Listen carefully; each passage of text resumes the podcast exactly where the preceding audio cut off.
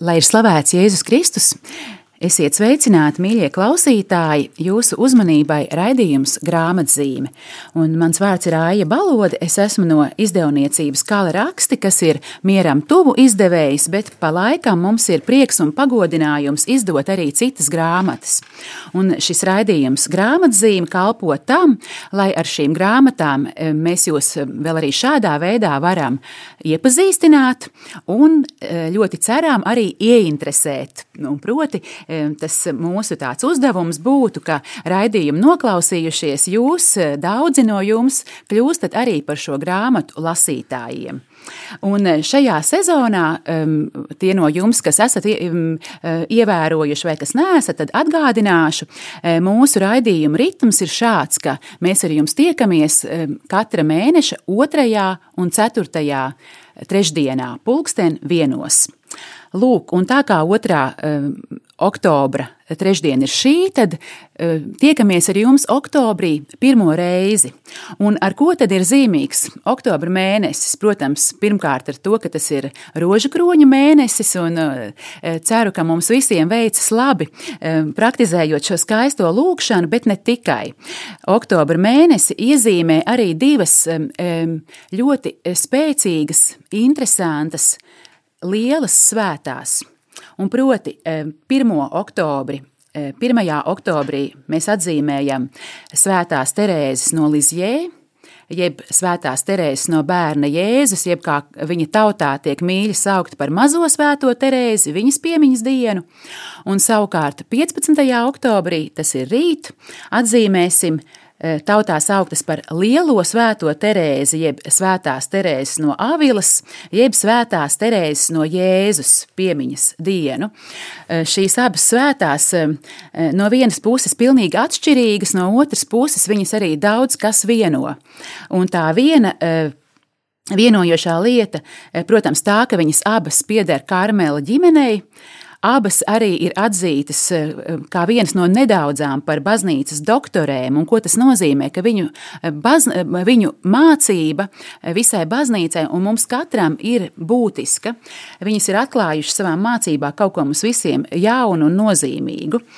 Lūk, un mē, mēs izdevniecībā domājām, kā lai atzīmē šīs piemiņas dienas, un mums radās tāda iedvesma par akciju, kura tagad jau pilnā um, mērā notiek, un vēl līdz rītdienai uh, tā, nu, tā turpinās. Proti, akcija saucas Terēzes bibliotēka. Uh, par ko ir runa? Uh, runa ir par to, ka laika gaitā mums izdevniecībai tiešām ir bijis pagodinājums saistībā ar abām svētajām Terēzēm izdot brīnišķīgas grāmatas. Un šķiet, ka tieši grāmatas ir labs veids, lai Eh, mēs neapstātos pie tādām, tādām frāzēm vai, vai dievbijības bildītēm, kas mums ir un no, kuriem, no kurām mēs pazīstam Terēzes. Nu, Protams, mēs visi esam varbūt dzirdējuši vai redzējuši bildītēs, ka mazā Terēzīte liks no, nolīt pār zemi rožu lietumu vai atkal lielās Terēzes vārdus kas ļoti iespējams nemaz nav viņas paša, pašas vārdi, um, uh, ka proti uh, Dievs nemainās, patiesība, pa, pacietība sasniedz visu, proti uh, kaut kādas druskas par abām Terēzēm mēs visi zinām. Bet lūk, mums šķita, un tā ir arī mūsu pārliecība, ka iepazīstoties ar grāmatām par šīm Terēzēm, mēs varam krietni vien padziļināt mūsu zināšanas par viņām un viņas labāk pazīstot, padziļināt arī mūsu draudzību draudzību ar viņām. Eh, lūk, bet lai nav tā, ka es runāju šodien tikai viena pati par šīm grāmatām, kuras tad ietilpst šajā akcijā Terēzes bibliotēka, eh, es mūsu raidījumā un eh, sarunā iesaistīšu vēl divas Eh, sarunu biedris, vienu aiz otras, un kā pirmo es uzrunāšu eh, manu draugu un arī Avilas Terēzes eh, lielu draugu Kristīnu Ceļmilleri. Un, Kristīne, es sveicinātu, vai mums ir izdevies ar tevi sazināties? Jā, mīļā, labdien! Eh, labdien, Kristīne! Liels, liels prieks, ka tu man pievienojies. Lūk, Kristīne, es arī tev un arī klausītājiem pastāstīšu, par ko ir runa. Un proti, šajā um, akcijā Terēzes bibliotēka mēs aicinām uh, klausītājus, lasītājus un mūsu draugus tātad iegādāties šīs grāmatas, kas ar, ar Terēzēm ir saistītas, lai viņas varētu izlasīt un šīs brīnišķīgās svētās iepazīt. Un par kādām grāmatām ir runa? Kas attiec uz Svēto Terēzi no Avilas, ir runa par viņas grāmatu dzīve, par viņas grāmatu Dvēseles pils Un savukārt par eh, karmelītu tēva Antonio Marijas Sikari grāmatu Svētās Terēzes no Avilas Dvēseles pilī komentārs grāmatai Dvēseles pils. Lūk, un mīļā Kristīna, man jāatst, jāatzīstas un jāizstāsta klausītājiem, ka tiešām tieši pateicoties tev sākās mūsu izdevniecības draudzība ar lielo Terēzi. Jo proti, tieši tu mani uzrunāji eh, ar, eh, ar skaisto ziņu, ka tu būtu ar mieru tulkot Terēzes darbus, lai tie būtu pieejami eh, latviešu lasītājiem. Liels, liels paldies tev toreiz par šo iedvesmu. Vai tu, Kristīna, atceries, kad šī mūsu pirmā saruna notika? Uh, patiesību sakot, es neatceros, kad notika mana pirmā saruna ar tevi. Bet uh, es atceros, kad notika mana pirmā saruna ar toreiz priesteri Andri Kravali, kas bija, es nezinu, man liekas, pirms gadiem 15. Kad, Ļoti eh, iespējams, jā. Jā, kad uh, es viņam teicu, zinot to, ka viņš ļoti atbalsta karmelītu garīgumu, es viņam sacīju, ka mums ir nepieciešams izdot Avilas Terēzi latviešu valodā iztulkot. Un viņš man toreiz teica, ļoti labi, ļoti labi, jā, jā, nu tad tu paņem un iztulko. Cik brīnišķīgs jo... ieteikums. un es, es, es paliku ar šo domu, ka uh, Terēzi ir nepieciešams iztulkot, bet uh, tā nav vienkārša valoda, teiksim, tulkotājiem, jo Terēzi rakstīja 15. gadsimtā līdz ar to valoda, kurā viņa raksta, nav īsti tāda vairs kā runā mūsdienu spāņu, un tas nozīmē, ka faktiski papildus bija jāpiemācās klāt eh, tā laika valoda uh, un jāmeklē uh, tādas atbilstības, bet uh, tad es sapratu, ka, nu, vai nu to izdarīšu es, man bija tāda sajūta, vai nu to neizdarīs neviens, jo, um, konkrēti runājot par Terēzes grāmatu dzīve, tā bija ļoti liels apjoms, un tieši pats tulkošanas darbs aizņēma ļoti daudz laika, un es sapratu, ka ja man šis laiks un iespēja ir, tad uh, man noteikti tas ir jādara. Kā mēs uh, nonācām ar tevi tieši līdz dzīvei, Es vairs tik labi neatceros. Nu, būtībā tas arī nav tik svarīgi. Ne, ne, pa, jā, jo es arī īsti neatceros, jo man rokās ir ne? Eh, grāmatas atkārtotais izdevums, kas ir iznācis 16. gadā, bet šķiet, ka tas pirmais izdevums iznāca vēl kādus, nu, man šķiet, kādus piecus gadus gandrīz iepriekš, un līdz ar to es man tiecos šķiet, domāt. Tas iznāca 2010. gadā, jo man ir atmiņā, ka bija 15. oktobris bija kaut kādas Terēzes grāmatas atvēršanas svētki. Es baidos tagad sajaukt, vai tas bija pilnīgi ceļš, vai tā bija dzīve, jo man novembrī bija jādzemdē, un es visu laiku baidījos, ka es nepaspēju šīs grāmatas atvērt. Kas būs pirmais grāmata vai tavs bērniņš, jā?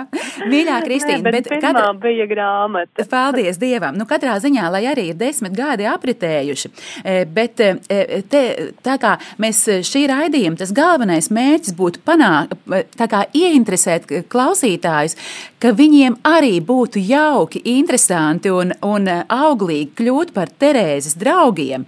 Varbūt pastāsti, ko tev nozīmē draudzība ar Avilas Terēzi, kāpēc tev bija šī iedvesma, ka vajag tulkot viņas dzīvi latviski un ka, ka šai grāmatai ir jābūt pieejamai latviešu lasītājam. Ko tā tev nozīmē un ko tā varētu potenciāli nozīmēt lasītājam? Nu, man likās ļoti svarīgi iztulkot Avils Terēzi, tāpēc, ka viņa, kā jau tu pareizi teici, ir baznīcas mācītāja. Mums baznīcas mācītāja nav daudz, bet tas nozīmē, ka uh, cilvēks ir uzrakstījis kaut ko tādu, kas ir universāls, kas ir noderīgs ikvienam ticīgajam. Uh, viņš, jo ir tādi svētie, kam varbūt ir tik īpatnējs svētuma ceļš, viņa svētums tādēļ nekļūst mazāks, bet uh, cilvēks to izlasot, viņš nespēja varbūt atrast kopsaucēju šī svētā dzīve. Ar baznīcas mācītājiem tā nav. Viņu teiktais ir tiešām noderīgs katram. Uh, turklāt, tā kā baznīcas mācītāji lielākoties ir vīrieši, tad uh, man šķiet svarīgi šis, tās dažas baznīcas mācītājas sievietes, kas mums ir, tomēr uh, ar savu balsi viņas, uh, lai arī sadzirdētu, viņas savās grāmatās arī par vīriešiem žēlojās, nu tad tāds, tāds ieskats sievietes garīgajā pasaulē. Nekas izrādās kā, nav mainījies gadsimtu gaitā. Kā Avelas Terēza rakstīja, ka, ja tik sieviete kaut ko baznīcā pasaka, tā vīrieši to reiz uzskata par aizdomīgu un, un domā, ka tikai viņai kaut kas nerādās. Un tas, piemēram, pilnības ceļa pirmajos izdevumos, tas, protams, tika izcenzēts ārā. Tā, tāds četcerīgs zoms nevarēja publicēt. Bet kas man ļoti patīk vispār pie svētajiem un īpaši pie Avelas Terēzes, ir tas, ka uh, pie Terēzes ir redzams, kā viņa no parastas meitenes, kaut no tādas uh, diezgan frivolas, no tādas viņa raksta savā dzīves sākumā, ka viņa uztrauca, vai viņai rokām ir pietiekami mīksta āda, vai viņai ir skaista frizūra, vai smaržas ir tādas tā kā vajag, vai, vai kleita ir pietiekami moderna, vai mm, viņa laimīgi aprecēsies kā viņa atverās dievam. Tas, tas nav tāds ceļš. Man reizēm liekas, ka ar mazo Terēzīti ir tā, ka mums viņa liekas jau tas starta punkts viņas dzīvē pārāk, pārāk augstu, ka nu, viņa piedzima tādā labā kristīgā ģimenē un viss viņai tur bija tik labi, ka mēs pat nespējam sākt. Un ka Terēza kaut kādā ziņā, ja tā var teikt, bija grēcīgāka, nu, es nevaru. Varbūt pieejamāka. Vārdu varbūt pieejamāka, bet nu, viņa pieļāva tādus grēkus, kādus uh, esam darījuši mēs visi un par to publiski paziņo, bet stāsts nav par viņas grēkiem. Stāsts ir par to, ka, lūk, te mēs sākam, bet kur mēs beigsim, nu, tas atkal ir atkarīgs no mūsu sadarbošanās ar Dieva žēlastību.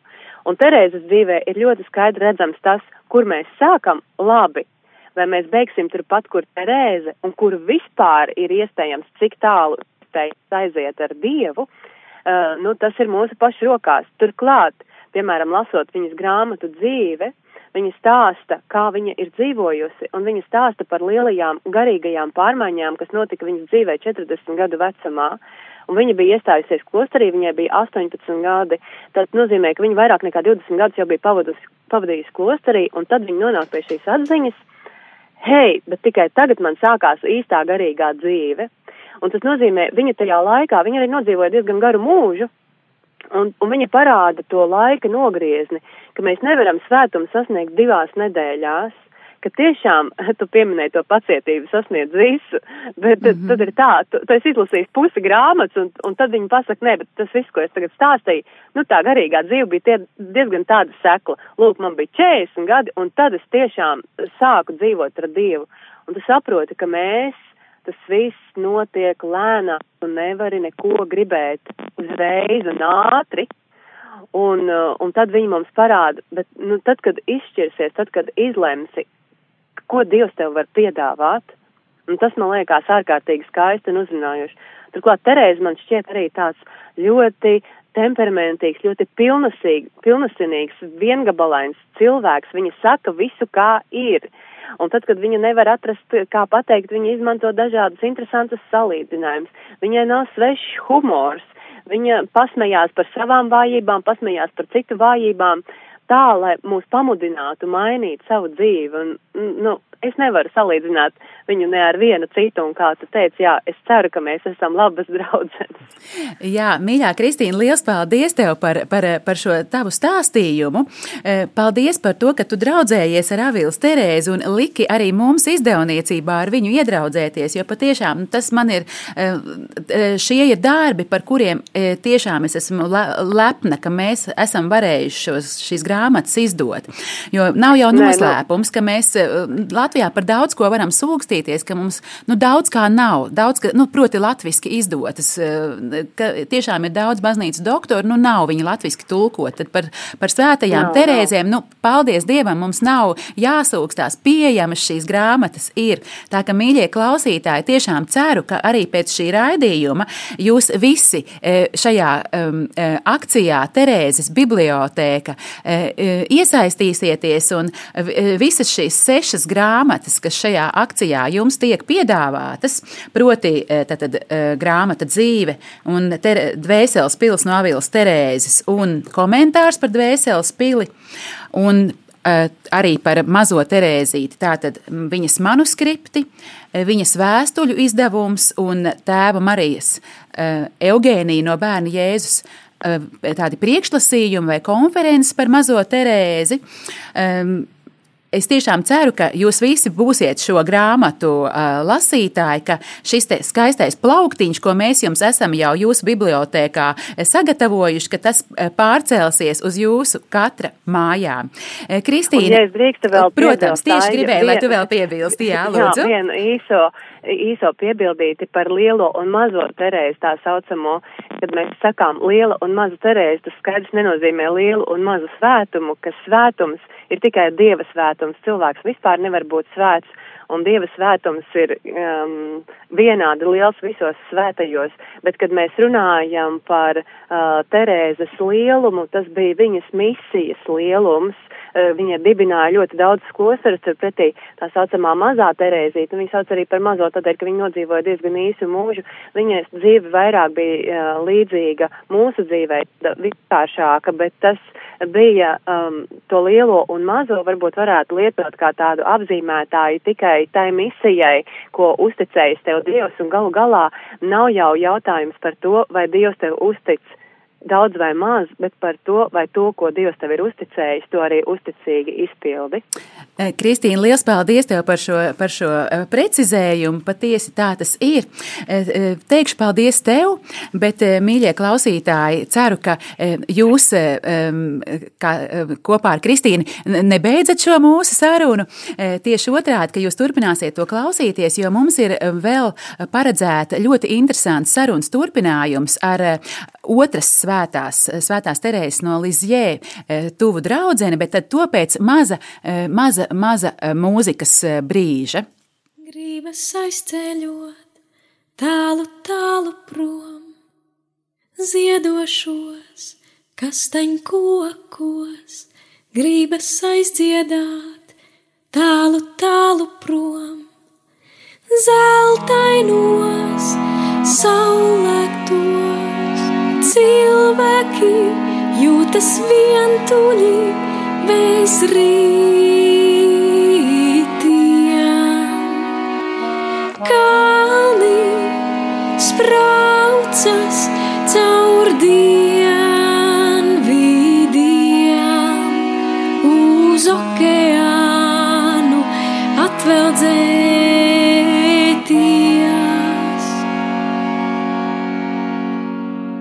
gribas aizceļot tālu, tālu prom, dzirkstošos ūdens kritumos, gribas aizdzīvot tālu, tālu prom, gaisīgos pavasaros,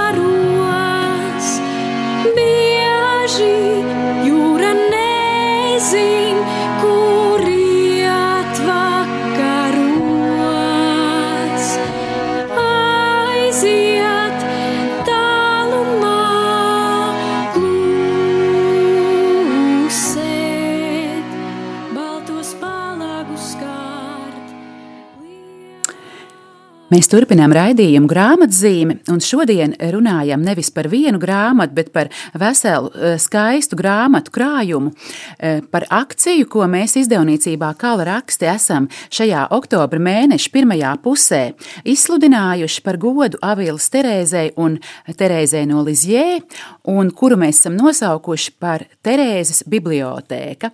Un kas ir akcijas būtība? Mēs mudinām eh, mūsu lasītājus un rādītājus Radio Marija klausītājus iegādāties tās grāmatas, kas ir izdotas saistībā un par, un viņu rakstītas tātad par šiem, šīm abām svētajām, tās lasīt un tādā veidā iepazīt labāk šīs svētās un ar viņām dziļāk sadraudzēties un tādā veidā gūt labumu savai garīgajai dzīvei un savam ceļam uz svētumu. Un mēs esam sazinājušies ar Terēzes no Lizjē tuvu draudzeni, pētnieci, tulkotāju un arī rārzī profesori Baiba Brūderi. Labdien, Baiba! Labdien, liels, liels paldies par jūsu atsaucību, ka jūs bijāt ar mieru, ar mums eh, eh, veltīt mazliet laika, eh, lai pat, pastāstītu mazliet par savu draudzību ar mazo Terēzīti. Kristīna jau man mazliet norāja, ka viņa nav nekāda mazā Terēzīte, un tā jūs arī mēģināja teikt, tā viņu dēvē. Protams, ka savā svētumā arī Terēza no Lizjē ir liela skolotāja, un nevēlt arī viņu baznīca ir atzinusi par baznīcas doktori.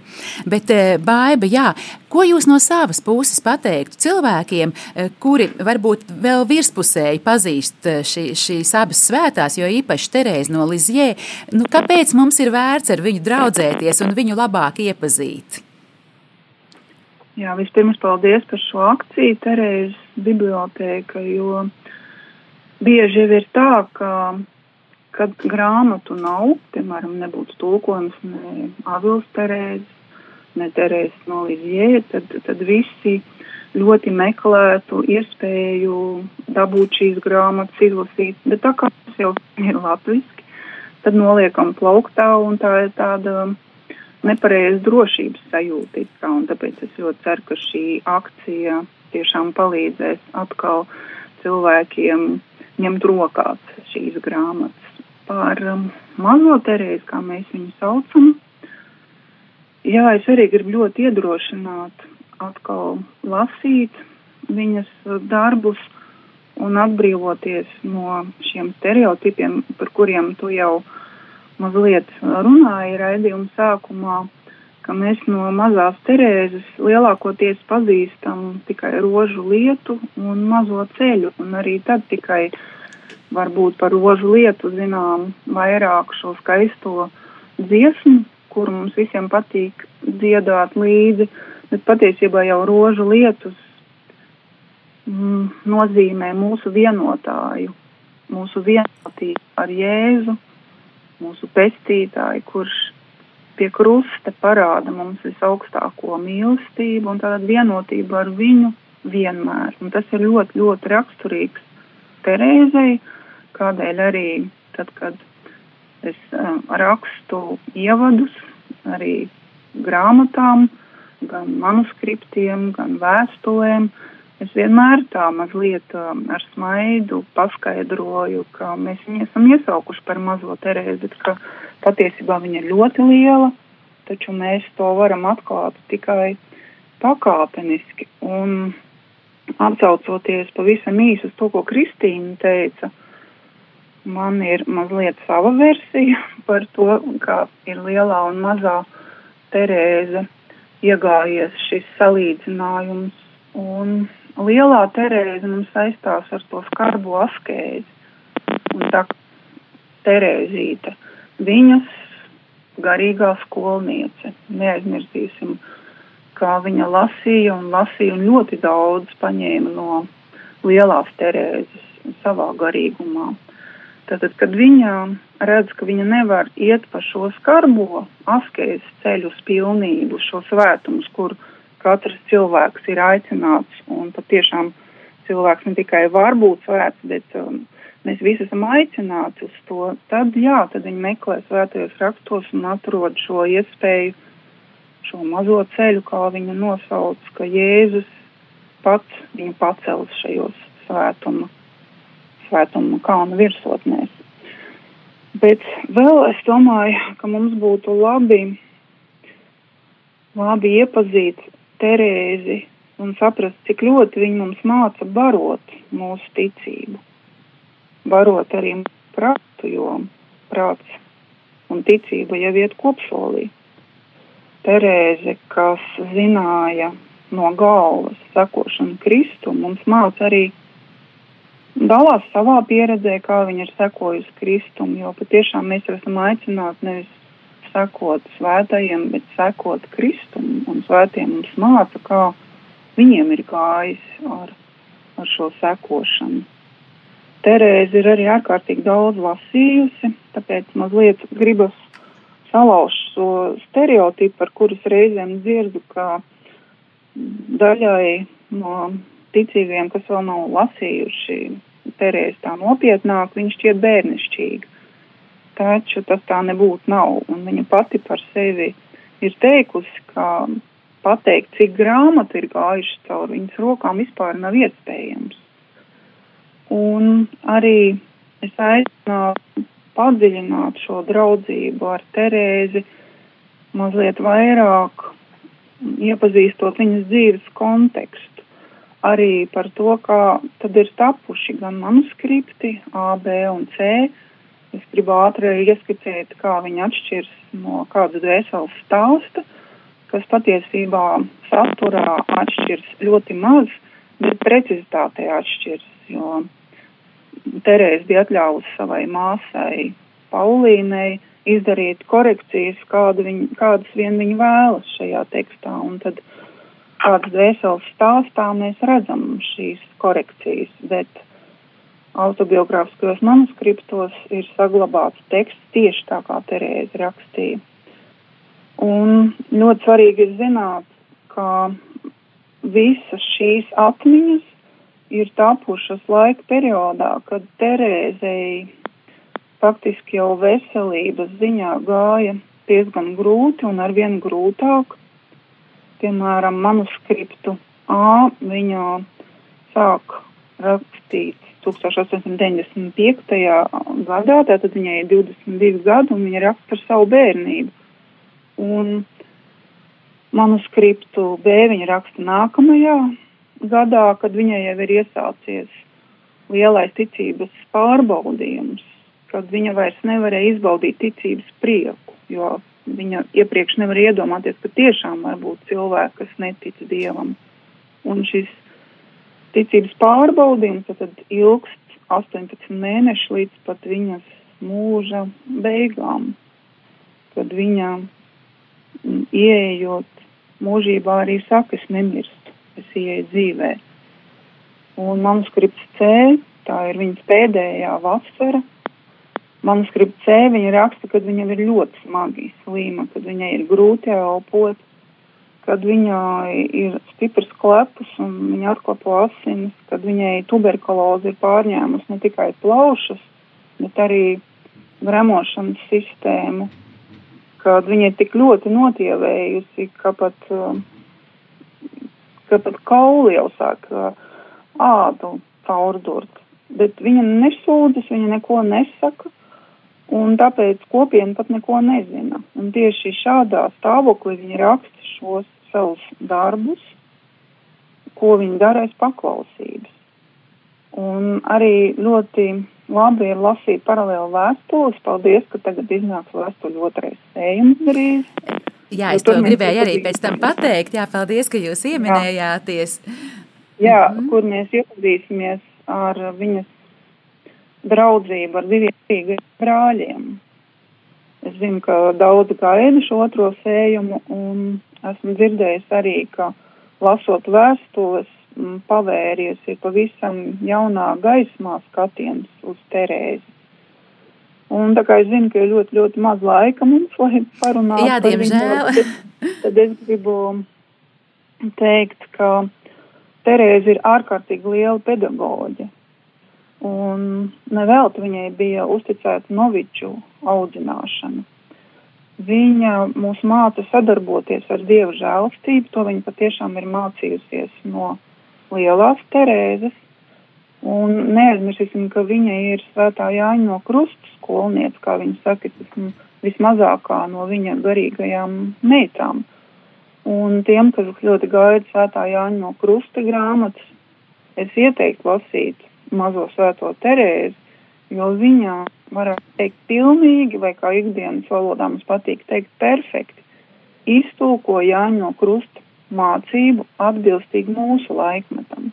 viņa ir ārkārtīgi daudz smēlusies no Jāņa no krusta. Turklāt arī viņa mums um, māca, viņa mums māca mīlēt, mīlestības apmaiņa ar Jēzu. Un viņai ir ārkārtīgi laba humora izjūta Es gribēju kādu piemēru pastāstīt, bet laikam jau laika nav. Bet īsam piemēram, es domāju, ka būtu laiks. Man šeit kolēģis Rihards Purina ar, tā kā ap, apstiprinoši ar galvu, ka drīkst. Ir no viņas bērnības, ko viņa apraksta manuskriptā A, kad um, viņa sauklīte viņai nepalīdz nocelt no plaukta, kuru viņa nevar aizsniegt vēl, ja nemaldos, tā bija tintnīca. Un, uh, un tad um, viņa izdomā, ka viņa var paņemt krēslu, viņa uzkāpja uz tā krēsla, un viņu šī augla aps, apsaukāja par sīkaļu. Ja, mm -hmm. Viņa maza auguma, vēl maza meitenīte, tad viņa uzkāpa uz šī krēsla un nosauc to auglu vārdā un teica, jūs esat sīkaļi, un pati aizskrēja ātri. Nu, un augla tulika vienkārši pilnīgi nezināja, ko teikt, viņai vienkārši nebija vairs vārdu. Nu, tas tāds tikai par humoru izjūtu. Un, bet arī Terēza, ja mēs nezinām to dzīves kontekstu, viņa, viņa nesūdzas. Un, piemēram, vēstules lasot, ja mēs nezinām, ka viņas tēvs ir psihiatriskajā dziednīcā, tad mēs arī nevaram uztvert um, to visu dziļumu, uz kuru viņa mūs ved. Kā viņa bija atbalsts, jaunākā māsa, kā viņa bija atbalsts savām vecākajām māsām šajā ļoti grūtajā posmā, kad tēvs ir psihiatriskajā dziednīcā. Un, jā, viņa nesūdz, viņa ir ļoti pacietīga, un to viņa dzīvo vienotībā ar Jēzu, uzticībā žēlstībām, un nevēlt arī viņa pēdējās mūža dienās teikt šos vārdus, daudz dzēseļu saka, man nav spēka paveikt tādu vai tādu upuri, bet lai viņas dara tā, kā darīju es, un tad viņa saka, lai pieliek lielu piepūli. Labais Dievs nekad neatsaka pirmo žēlstību, kas dod mums spēku rīkoties. Pēc tam sirds nostiprinās, un tu ej no vienas uzvaras pie otras. Un to viņa teica, kad viņa vairs nevarēja lāgā pārelpot, kad viņa vairs nevarēja pieņemt komuniju, kad uh, viņa iegāja ar vien lielākā vientulībā līdzīgi Jēzum kur viņi tik ļoti mīlēja, un līdzība ar Jēzu bija viņas lielākā balva. Protams, mēs varētu ļoti ilgi runāt, bet nav vairs laika. Nenoliedzami, bet katrā ziņā eh, eh, paldies Dievam, eh, ka um, Nu, mums šīs te, eh, gan vienas, gan otras Terēzes eh, mācība, iedrošinājumi mums, mūsu ceļām, eh, tātad ir latviešu valodā pieejami šo te daudzo brīnišķīgo grāmatu veidā. Un varbūt es vēlreiz tā nopaļošu par kas tad ir šī Terēzes bibliotēka. Tie ir patiešām daži nu, ne, mums nav saka, jābaidās no šī vārda kristīgās literatūras šedevri. Tiešām darbi, kas ir um, atstājuši ļoti lielas pēdas kristiešos uh, daudzos daudz gadsimtu gaitā. Un, protams, tā ir Svētās Avīlas Terēzes uh, dzīve, viņas šis fundamentālais darbs, viņas darbs Dvēseles pils kur eh, Avīls Terēze attīst savu mācību par eh, cilvēku, kā šo pili, sarežģīto pili ar daudzām istabām, bet kuras centrā dzīvo pats šis eh, karalis, dievs, un proti tātad, ka caur šo, caur lūkšanu Tā kā mēs to sākumā, jebkurš, protams, mums šī pils ir atvērta un mums pieeja pie, eh, pie šī karaļa visiem ir atvērta. Un tad, tad kā viņi mūs aicina iet šim, šim, šai dvēseles pilī cauri, lai, lai šo karali, dievu mūsos satiktu. Eh, tad tāpat šis fundamentālais darbs, eh, eh, Lizjē Terēzes autobiogrāfiskie manuskripti, par ko jūs, Baiba, stāstījāt, liels paldies, kas arī ir ietekmējuši nu, neskaitāmus cilvēkus gan kristīgajā Eiropā, gan citviet. Un interesanti jā, par, par mazo Terēzīti, ka taču pat viņas kopienas māsas bija savā starpā runājušas, ka gan, ar ko gan šī mazā klostera māsiņa izcelsies, ko mēs apmēram sacīsim, kad viņa mūs pametīs. Un izrādās, jo viņas jau nezināja par šo dienas grāmatu, kas tiek rakstīta, un ne, pat viņas nezināja par šiem dārgumiem, par šo um, milzu, tādu tik ļoti lielo tuvību ar, ar Kristu, kas šai mazajai klostera māsai bija. Un lūk, mums tagad e, tas viss ir, pie, šie dārgumi ir pieejami. Tātad šie varbūt ir tā, tie trīs tādi fundamentālie darbi, tad arī um, mazās Terēzītes vēstules, kurā arī mēs viņu iepazīstam, un tad divi darbi, kas palīdz savukārt viņu šīs divas svētās lasīt, divi komentāri, tā varētu teikt, tātad tēva Marijo, Antonio Marijas Sikarī, komentārs par dvēseles pili un tēva Marijas Eugēnija no bērna Jēzus, savukārt konferences par pašu Terēzi. Lūk, nu tāda te bagātība ir latviski iznākusi un, mīļie klausītāji, vēl līdz rītdienai šīs te akcijas Terēzes bibliotēka ietveros visas šīs grāmatas, tās visas ir iegādājamas tikai par 27 eiro. Tie no jums, kas vai pēdējā laikā vai kādreiz dzīvē ir bijuši grāmatnīcā, es domāju, ka jūs saprotat, ka tas ir patiešām ļoti, ļoti pievilcīga, ļoti demokrātiska cena, un tas ir tas veids, kā mēs no savas puses izdevniecību patiešām varam jūs mudināt.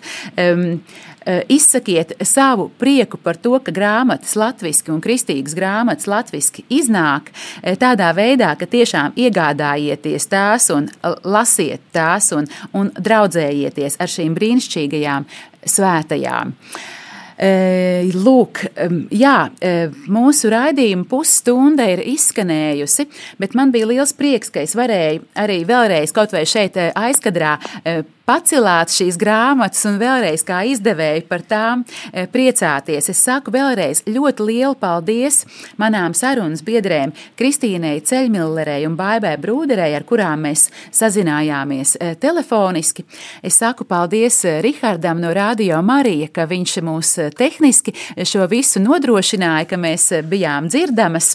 Un saku paldies arī jums, mīļie klausītāji, par uzmanību un turpināsim lasīt lasīt grāmatas, turpināsim tās arī pirkt, jo tas ir tas veids, kā mēs varam izdevniecība e, turpināt savukārt savu darbu. Jā, jo tagad tas e, nākamais e, solis arī draudzībā, mūsu draudzībā ar Terēzi, patiešām jau tādi pēdējie soļi ir mūsu darbam pie Terēzītes vēstuļu otrā un beidzamā sējuma.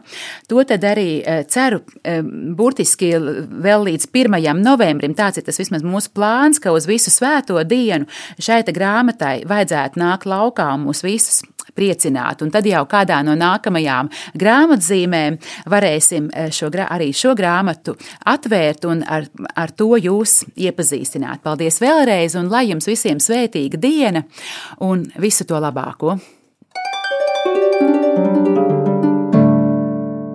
Stop! Apstājies labas grāmatas priekšā un sagatavojies lasīšanai. Grāmatzīme.